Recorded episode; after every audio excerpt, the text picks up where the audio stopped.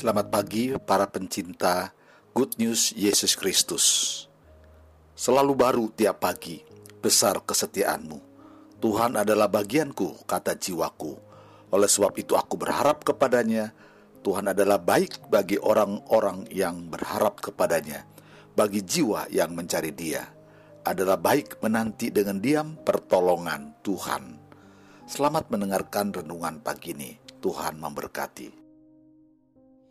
Shalom Bapak Ibu Saudara sekalian kasih Tuhan. Pagi ini renungan yang saya mau sampaikan bicara mengenai doa. Sebelum kita mendengarkan mari kita berdoa terlebih dahulu. Bapa kami di dalam surga Pagi ini Tuhan kami siapkan hati kami untuk mendengarkan renungan yang Engkau izinkan untuk kami boleh menerimanya sebagai sumber kekuatan kami Tuhan. Kami serahkan Bapa dalam nama Yesus. Haleluya. Amin. Bapak Ibu Saudara sekalian dalam Matius 26 ayat 39 yang berkata, maka ia maju sedikit lalu sujud dan berdoa katanya, Ya Bapakku, jikalau sekiranya mungkin, biarlah cawan ini lalu daripadaku, tetapi janganlah seperti yang ku kehendaki, melainkan seperti yang engkau kehendaki. Bapak Ibu Saudara sekalian dikasih Tuhan, doa adalah salah satu topik yang paling sering dibahas oleh semua gereja, bahkan para hamba-hamba Tuhan. Tetapi juga topik yang sangat jarang dilakukan oleh anak-anak Tuhan mengenai doa. Banyak anak Tuhan yang sudah tahu yang namanya doa. Karena doa itu membuat segala sesuatu menjadi mungkin apa yang tidak mungkin dibuat mungkin oleh Tuhan. Tetapi di sisi lain banyak anak Tuhan jarang melakukan yang namanya doa. Bagi orang percaya adalah doa napas kehidupan yang perlu dilakukan dalam hidup daripada orang percaya. Di sisi lain, anak Tuhan menganggap doa adalah membuang waktu dan energi saja. Jadi ngapain aku berdoa, lebih baik aku bekerja dan melakukan yang lain. Mereka malah memilih untuk tidak bernapas, dan mereka membiarkan kehidupan rohaninya menjadi kering, bahkan mengalami kematian rohani karena tidak berdoa. Melalui renungan ini, saya menegaskan bahwa kita tidak mungkin memiliki kehidupan rohani yang sehat jika kita tidak menjadikan doa sebagai disiplin rohani kita. Jadi, kita mau melatih diri kita, dan disiplin rohani kita itu sangat penting. Kita harus masuk di dalam doa. Apa pentingnya dalam doa? Doa kerap diartikan sebagai meminta saja. Memang tidak salah doa itu meminta. Karena Yesus sendiri mengajarkan kepada kita untuk meminta. Di dalam Matius 7 ayat 7 berkata, Mintalah mereka akan diberikan kepadamu. Carilah maka kamu akan mendapat. Ketuklah maka pintu akan dibukakan bagimu. Jika doanya diartikan meminta, maka kekristenan kita ini menjadi seperti anak-anak. Kalau ingin melakukan sesuatu yang dewasa, kita bukan sekedar doa itu meminta, tapi kita harus melakukan apa yang menjadi kehendak Tuhan. Nah, Bapak Ibu Saudara sekalian, doa yang sesungguhnya adalah bukan melakukan upload atau mengunggah permintaan kita. Yang harus kita lakukan doa kita adalah mendownload atau mengunduh kehendak Tuhan.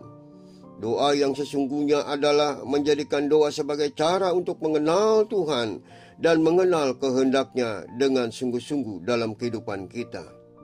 Untuk mengenal dan kehendak Tuhan, kita harus memiliki rasa haus dan lapar akan hadirat Tuhan.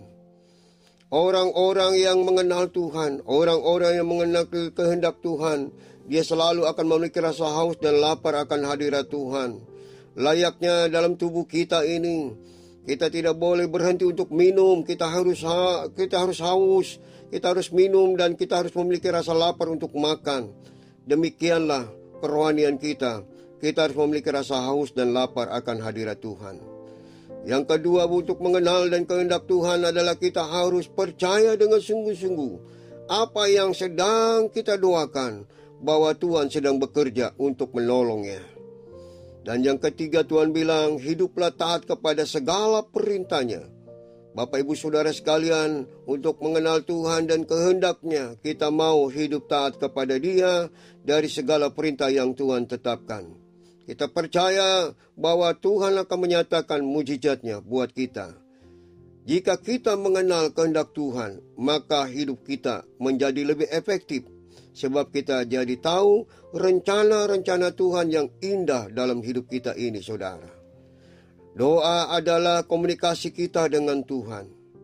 Bagaimana mungkin kita bisa kenal Tuhan dan kehendaknya jika kita tidak berkomunikasi dengan Tuhan? Jadi kita mau hidup kita harus terus berkomunikasi dengan dia sebagai sumber segala-galanya. Kita tahu untuk mendisiplin diri untuk berdoa bukanlah hal yang mudah. Memang mudah diucapkan tapi sulit untuk dilakukan. Sebelumnya menjadi kebiasaan dalam berdoa, kita perlu yang namanya memaksa dan menyalipkan daging kita.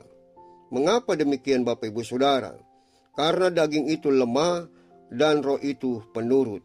Di dalam Matius 26 ayat 41 berkata, Berjaga-jagalah dan berdoalah supaya kamu jangan jatuh ke dalam pencobaan. Roh memang penurut tetapi daging lemah. Jika doa sudah menjadi kebiasaan, kita akan memiliki ketergantungan dengan doa.